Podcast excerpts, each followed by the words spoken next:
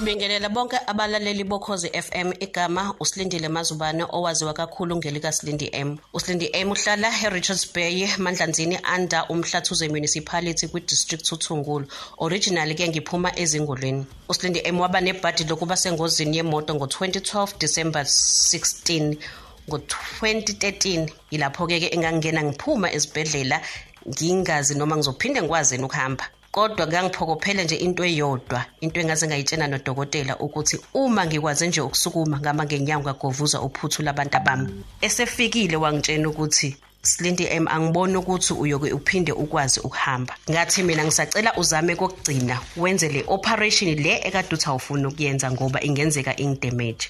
Ngazidela kwangisiza-ke ukuzidela kwami ngoba ngikhuluma nawe nje sengiyakwazi ukuhamba ngama-crutches ngiphinde futhi ngisebenzise nesihlalo okuyi-wheelchair. Manje-ke ke after i-disability ngasebenza emhlathuze water. La okuyibona abangilinda khona ngisalimele.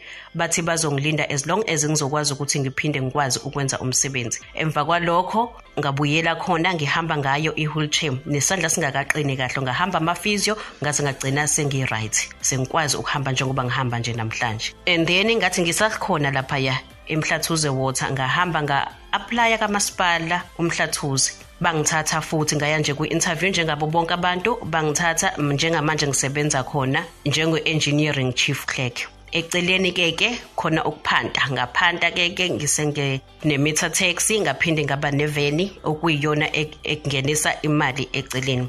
Ngaba nenhlanhla-ke ngisahamba nje la e-richards bay ngahlangana namadoda amabili angabone kodwa abonayo ngenxa yezinto azenzayo. And njengamanje siphezu kohlelo lokuqala ibhizinisi le-farming sesibuya le komhlaba uyalingana kuyokhuluma ney'nduna zakhona ukuthi sidinga i-land okuwumhlaba. Ama-advise i-mentorship nolwazi about i-farming.